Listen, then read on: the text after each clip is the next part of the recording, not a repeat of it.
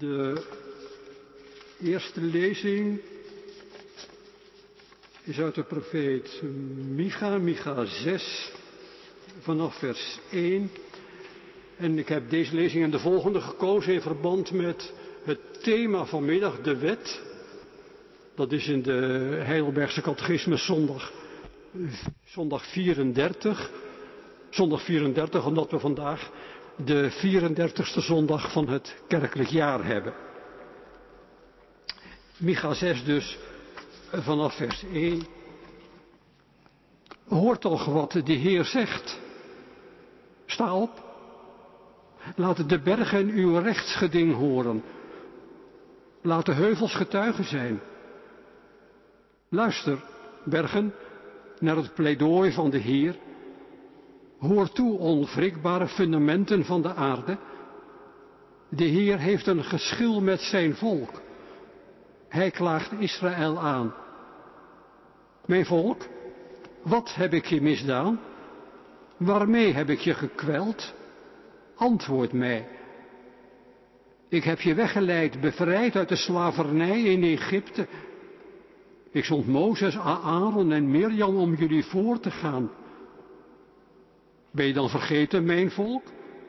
Wat Balak besloot, de koning van Moab? Wat Biliam, de zoon van Beor, hem antwoordde? Ben je vergeten wat er gebeurde tussen Sittim en Gilgal? Ken je de gerechtigheid van de Heer niet meer? Wat kan ik de Heer aanbieden? Waarmee hulde brengen aan de verheven God? Moet ik hem tegemoet treden met brandoffers? Zou hij eenjarige stieren aanvaarden? Kan ik hem gunstig stemmen met duizenden rammen, met olie stromend in tienduizend beken? Moet ik een oudste kind geven voor wat ik heb misdaan? De vrucht van mijn schoot voor mijn zondig leven? Er is jou gezegd, mens, wat goed is. Je weet wat de Heer van je wil. Niets anders dan recht te doen, trouw te betrachten en nederig de weg te gaan van je God. Tot zover de eerste lezing. De tweede lezing is uit het Evangelie naar Matthäus, Matthäus 25, vanaf vers 31. Wanneer de mensenzoon komt, omstraald door luister en in gezelschap van alle engelen, zal hij plaatsnemen op zijn glorierijke troon. Dan zullen alle volken voor hem worden samengebracht en zal hij de mensen van elkaar scheiden, zoals een herder de schapen van de bokken scheidt. De schapen zal hij rechts van zich plaatsen, de bokken links. Dan zal de koning tegen de groep rechts van zich zeggen, jullie zijn door mijn vader gezegend. Kom en neem deel aan het koninkrijk dat al sinds de grondvesting van de wereld voor jullie bestemd is. Want ik had honger en jullie gaven me te eten. Ik had dorst en jullie gaven me te drinken. Ik was een vreemdeling en jullie namen mij op. Ik was naakt en jullie kleden mij. Ik was ziek en jullie bezochten mij. Ik zat gevangen en jullie kwamen naar mij toe. Dan zullen de rechtvaardigen hem antwoorden, Heer, wanneer hebben wij u hongerig gezien en te eten gegeven? Of dorstig en u te drinken gegeven? Wanneer hebben wij u als vreemdeling gezien en opgenomen? U naakt gezien en gekleed? Wanneer hebben wij gezien dat u ziek was?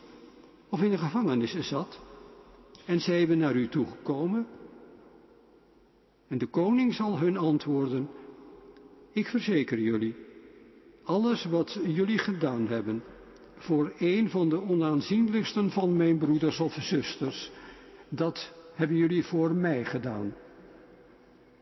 Tot zover de lezing uit de Heilige Schrift.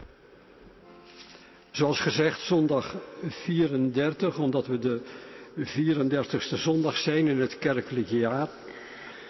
Zondag 34 staat in het derde deel van de catechismus, het deel dat handelt over de dankbaarheid jegens God voor de verlossing. En van zondag 34 neem ik alleen de eerste twee vragen.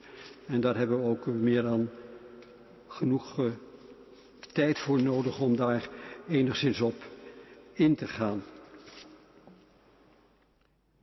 Hoe luidt de wet des Heren? God sprak al deze woorden. Ik ben de Heere uw God, die u uit het land Egypte, uit het diensthuis geleid hebt. Gij zult geen andere goden voor mijn aangezicht hebben. Gij zult u geen gesneden beeld maken, noch enige gestalte van wat boven in de hemel, noch van wat beneden op de aarde, noch van wat in de wateren onder de aarde is. Gij zult u voor die niet buigen, noch hen dienen, want ik, de Heere uw God, ben een naijverig God die de ongerechtigheid der vaderen bezoekt aan de kinderen, aan het derde en aan het vierde geslacht van hen die mij haten, en die barmhartigheid doe aan duizenden van hen die mij liefhebben en mijn geboden onderhouden. Gij zult de naam van de Heere uw God niet ijdel gebruiken, want de Heere zal niet onschuldig houden wie zijn naam ijdel gebruikt. Gedenk de Sabbatdag dat gij die heiligt. Zes dagen zult ge arbeiden en al uw werk doen. Maar de zevende dag is de Sabbat van de Heere uw God. Dan zult ge geen werk doen. Gij, nog uw zoon, nog uw dochter, nog uw dienstknecht, nog uw dienstmaagd nog uw vee, nog de vreemdeling die in uw steden woont. Want in zes dagen heeft de Heere de hemel en de aarde gemaakt, de zee en al wat daarin is. En hij rustte op de zevende dag. Daarom zegende de Heer de Sabbatdag en heiligde die. Heer uw vader en uw moeder, opdat uw dagen verlengd worden in het land dat de Heere uw God u geven zal. Gij zult niet de dood slaan. Gij zult niet echt breken. Gij zult niet stelen. Gij zult geen valse getuigenis spreken tegen uw naaste. Gij zult niet begeren uw naaste huis. Gij zult niet begeren uw naaste vrouw, nog zijn dienstknecht, nog zijn dienstmaagd, nog zijn rund, nog zijn ezel, nog iets dat van uw naaste is. Hoe worden deze tien geboden ingedeeld? in twee tafelen, waarvan de eerste leert hoe wij ons jegens God moeten gedragen en de tweede wat wij aan onze naaste schuldig zijn. De catechismus plaatst dus de wet onder het hoofdstukje van de dankbaarheid. En daarmee is tegelijk ook al gezegd dat als je het over de wet hebt, over dat geheel van die tien regels zeg maar, als je het over de wet hebt, dat je dan eigenlijk hebt over een weg. Een weg die je hele leven, je hele zijn, je hele denken en doen bepaalt. Want dankbaarheid, dat is iets niet van, van een moment zo van, nou ja, nou ben ik even dankbaar en dan is het voorbij. Dankbaarheid, dat is, dat is de grondtoon van je leven. Dat is de rode draad waardoor wij herkend worden. Herkend worden door de, ja, door de mensen om ons heen, door de wereld om ons heen. Dat wij met alle rarigheid die mensen soms hebben, dat in elk geval iets, iets laten zien, iets, iets uitstralen voor mijn part van het grote woord dankbaarheid. Dankbaarheid dat er met mijn leven, met ons leven iets gebeurd is dat, dat eigenlijk onzegbaar groot is en waar we toch trachten woorden voor te vinden. Dankbaarheid. We, we zongen het er net al met het eerste lied. Dat het een weg is die ten leven voert. Ten leven. De situatie is natuurlijk van de tien geboden. De situatie is het begin van de woestijntocht. En dat ten leven is naar Canaan. De wet. In het lied is dat het woord dat rondom ons is en rondom ons klinkt. De wet voert zijn leven naar Canaan, maar wel door de woestijn heen. Daarmee het al gezegd van ja, dat is dan wel zo, dat die weg ten leven voert, Maar vergeet ook niet dat, dat die woestijn er is. Vergeet niet dat die weg der dankbaarheid hele lastige stukken kennen kan. Maar hij voert naar Canaan. Hij voert een leven. Hij voert een leven niet alleen voorbij de grens van de dood, maar hij voert een leven in het hier en nu. Daarom moet je ook zeggen, kijk, als, als we spreken over de wet en, over afgeleide vormen van de wet, de wet, de regels zeg maar die we in een gezin hebben, maar ook de wet in de, van de overheden, dan moet je die daaraan herinneren. Dan moet je eraan herinneren dat die wetten, die regels die je dan hebt, dat die ten leven voeren, dat die er brengen op een weg, een levensweg die ook die, ook die naam verdient. Een levensweg die ook die naam verdient, dat is op het eerste gehoor niet hoog en verheven of zo, nee. De schrift spreekt, spreekt heel fraai over in de zin van dat ieder mag zitten onder zijn eigen wijnstok en onder zijn eigen vijgenboom. De weg voert ten leven. Hoe dan wel? Moet ik het dan zo zien dat, dat, als, ik, als ik de wet volg, zo getrouw mogelijk, als ik de wet volg, dan zal ik uiteindelijk, zal ik uiteindelijk het leven ontvangen, ontvangen uit de handen van Hem? Nee, het is juist omgekeerd. Omdat ik het leven ontvangen heb, daarom, en daarom alleen, kan ik struikelend en wel kunnen wij struikelend en wel de wet van God, de weg van God, de weg met God volgen. Daar, daar begint het bij, bij het ontvangen hebben van het leven. In het lied was het zo gezegd, is het zo gezegd dat, dat de wet in ons hart geschreven is. Geschreven. De wet, Gods woord, het woord van liefde, vrede en recht staat er dan in ons hart geschreven. Niet in ons hart geboren. Oh nee, niet in ons hart geboren. Vanuit onszelf vinden we deze geboden niet. Vanuit onszelf. Catechismus heeft het eerder gezegd toen het ook al een keer over de wet ging. Vanuit onszelf uh, haten wij God en de naaste. Maar er is dus iets gebeurd met een mens. Er zijn, er zijn woorden gezegd, er zijn woorden gezegd die, die bevrijding brachten. Er zijn woorden gezegd die bevrijding brachten aan Israël aan de kerk, aan u aan mij. Woorden die ons kwalificeerden als, kijk, daar gaan ze.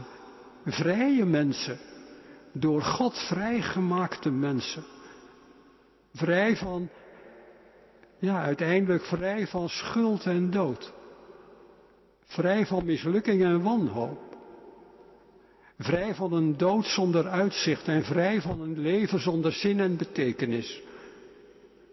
Die woorden die zijn geschreven, die staan opgeschreven, onuitwisbaar, onuitwisbaar in het hart van Israël en de kerk in ons hart. Ik weet natuurlijk ook wel dat de woorden opgeschreven zijn op die twee stenen tafelen.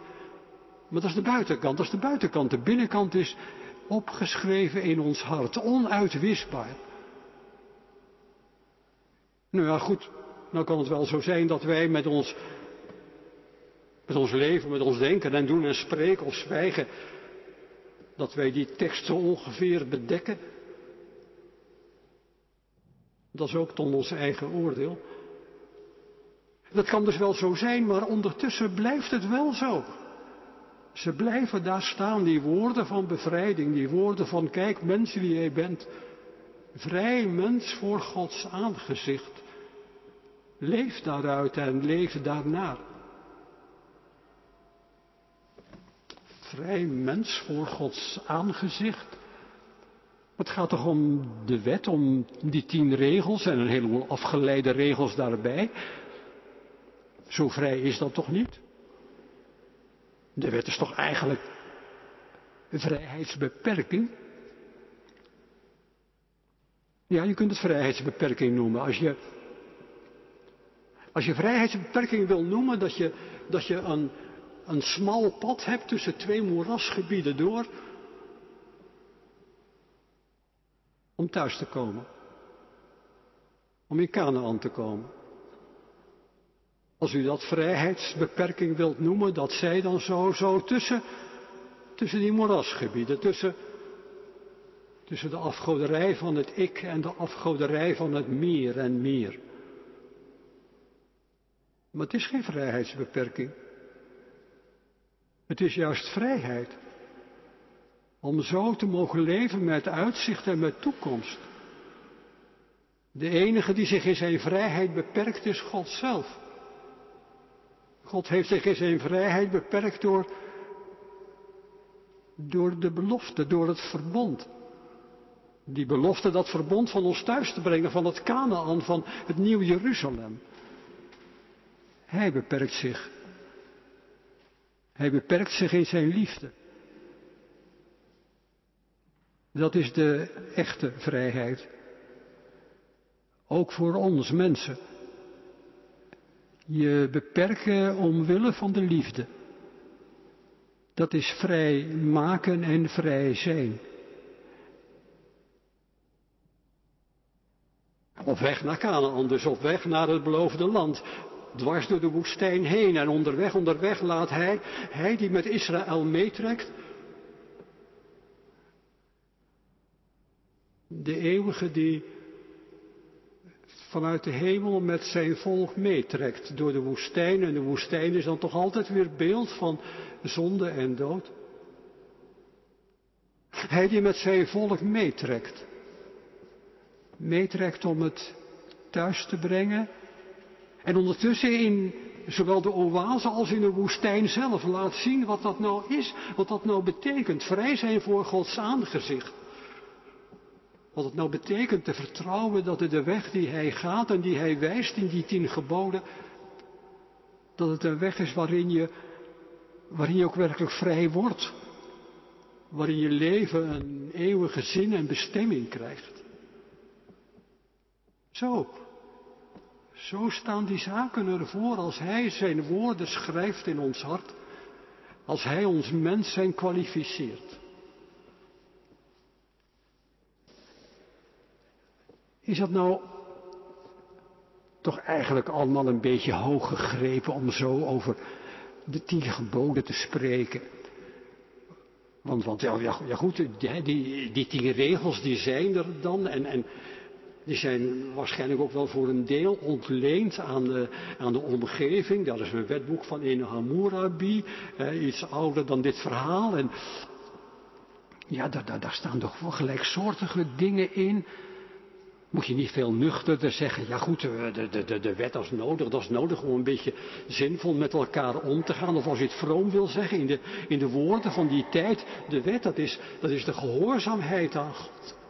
Om, om uit dankbaarheid voor de verlossing, zeg maar, een soort tegenwicht te bieden. Dat, dat, dat de weegschaal van Gods daden en onze daden zo min of meer in evenwicht is. En dat, dat God daar genoegen mee neemt.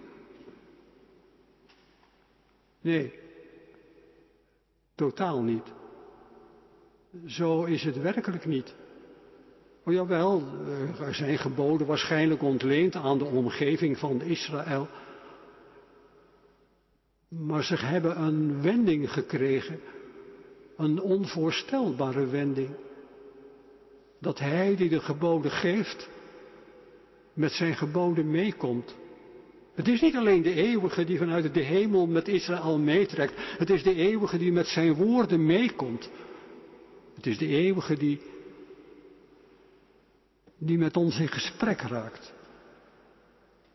Het is de eeuwige die zelf gesprek wordt. In Jezus Christus. In Jezus Christus. En dan is het opnieuw. Het woord, het gebod, de wet, in ons hart geschreven. En je ziet die schrift aan het kruis. Dat schrift is in ons hart geschreven. Geschreven dat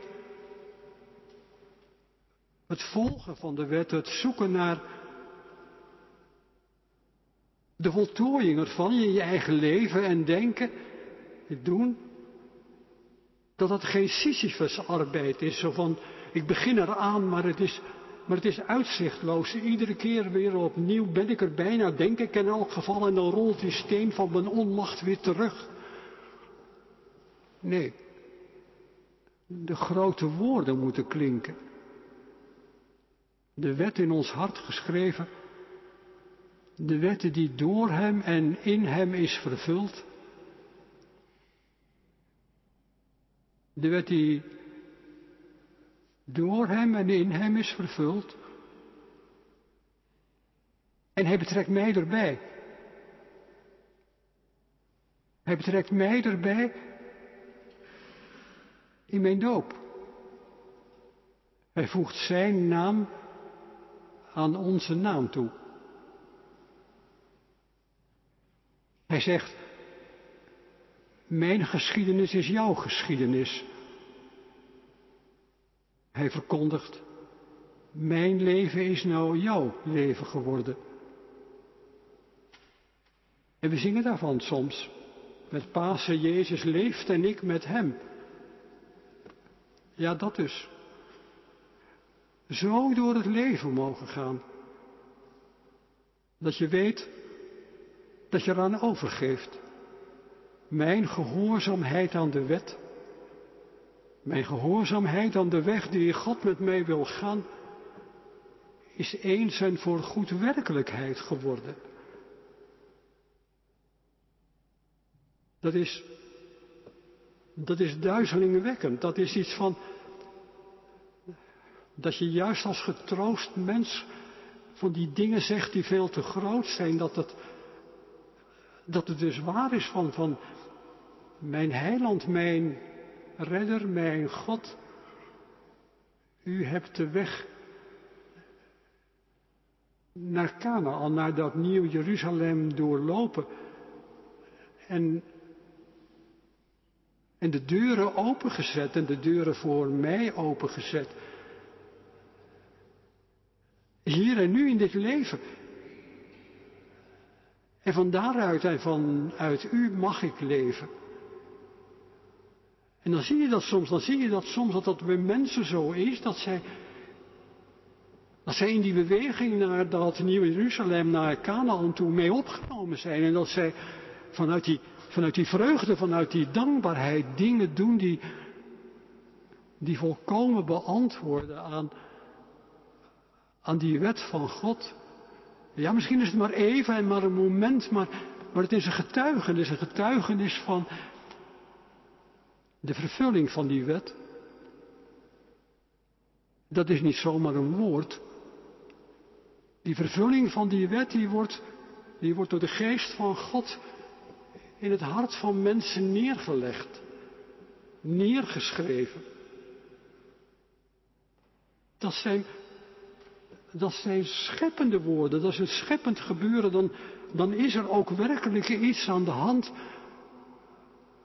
Iets dat verwijst als een soort gelijkenis naar het koninkrijk van God, naar Gods handelen in ons aller leven. Maar let wel, het is de geest die de woorden schrijft. Wij bedenken geen woorden om, om, om, om te beantwoorden aan wat Hij voor ons deed. Het is de geest die de woorden neerschrijft in ons hart. En wat wij doen, wij mensen in de vrijheid gesteld, wat wij doen is, is stamelend en stotterend die woorden die hij neerschreef beamen. Dat is christelijke verantwoordelijkheid de woorden die de geest neerschrijft beamen.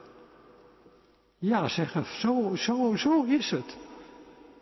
Zo is er die, die weg naar Gods koninkrijk. Zo, zo, zo loopt die weg van de tien geboden. Opdat wij leven.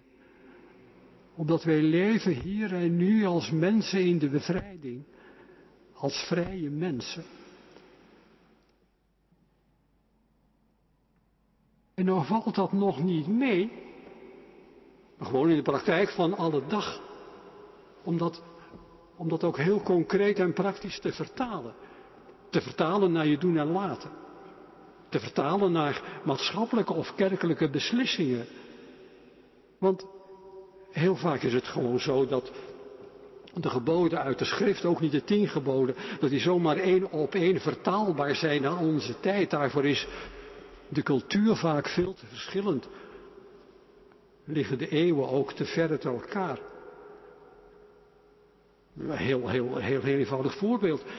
De, de, de, de, hele problematiek die we hebben rond vreemdeling en vluchteling. Jazeker, er wordt in de Bijbel over vreemdeling en vluchteling gesproken. En die woorden zijn, zijn, zijn eenduidig genoeg. Maar de situatie van vandaag dat er hele grote groepen vreemdelingen of vluchtelingen in een land komen, die situatie kent Israël eenvoudigweg niet.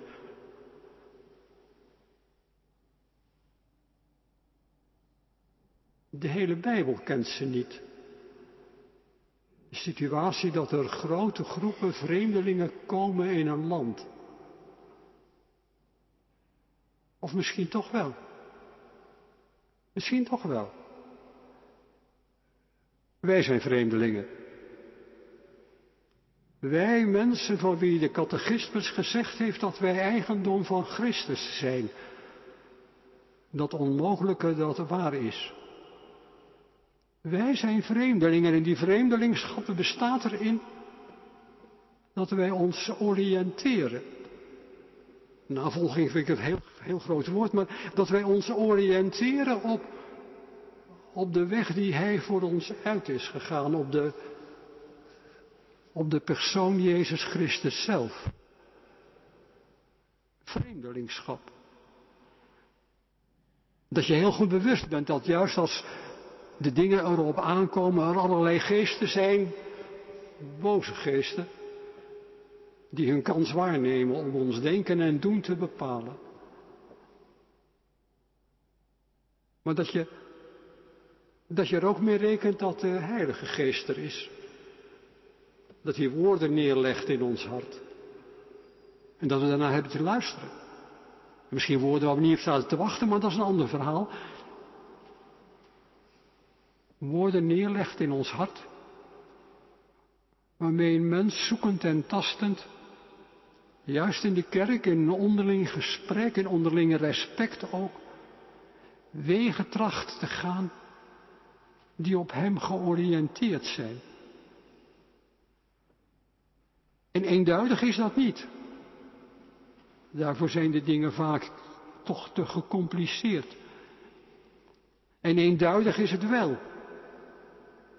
Want wij weten, wij weten van die rode draad.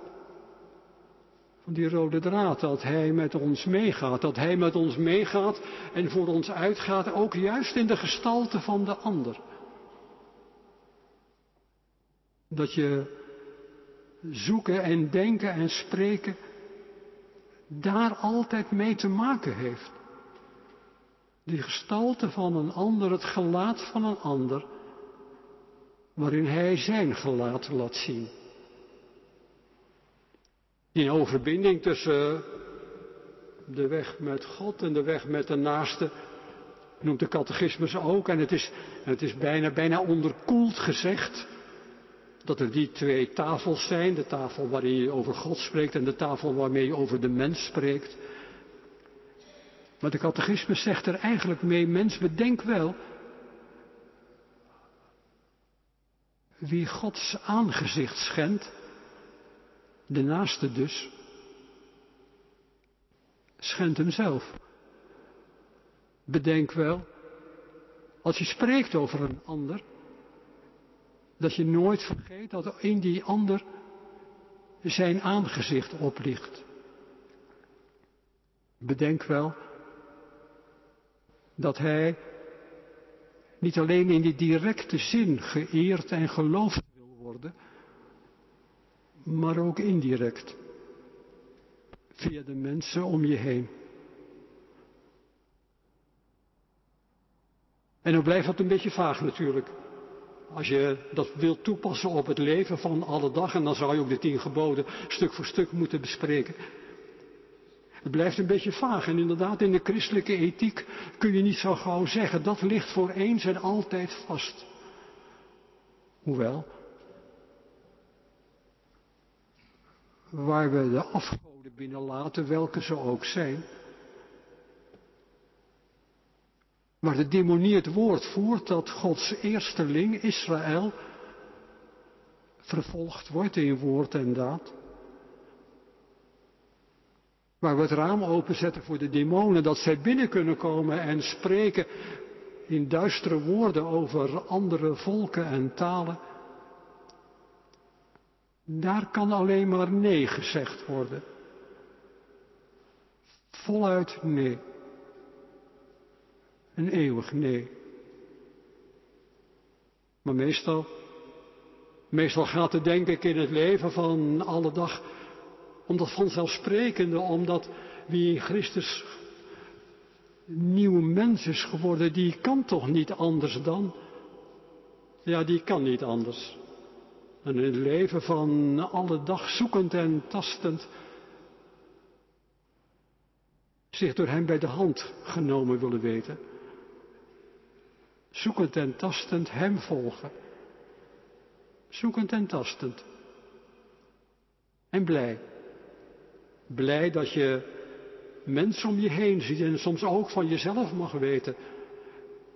Deel te hebben aan dat burgerschap. Dat burgerschap bij Hem.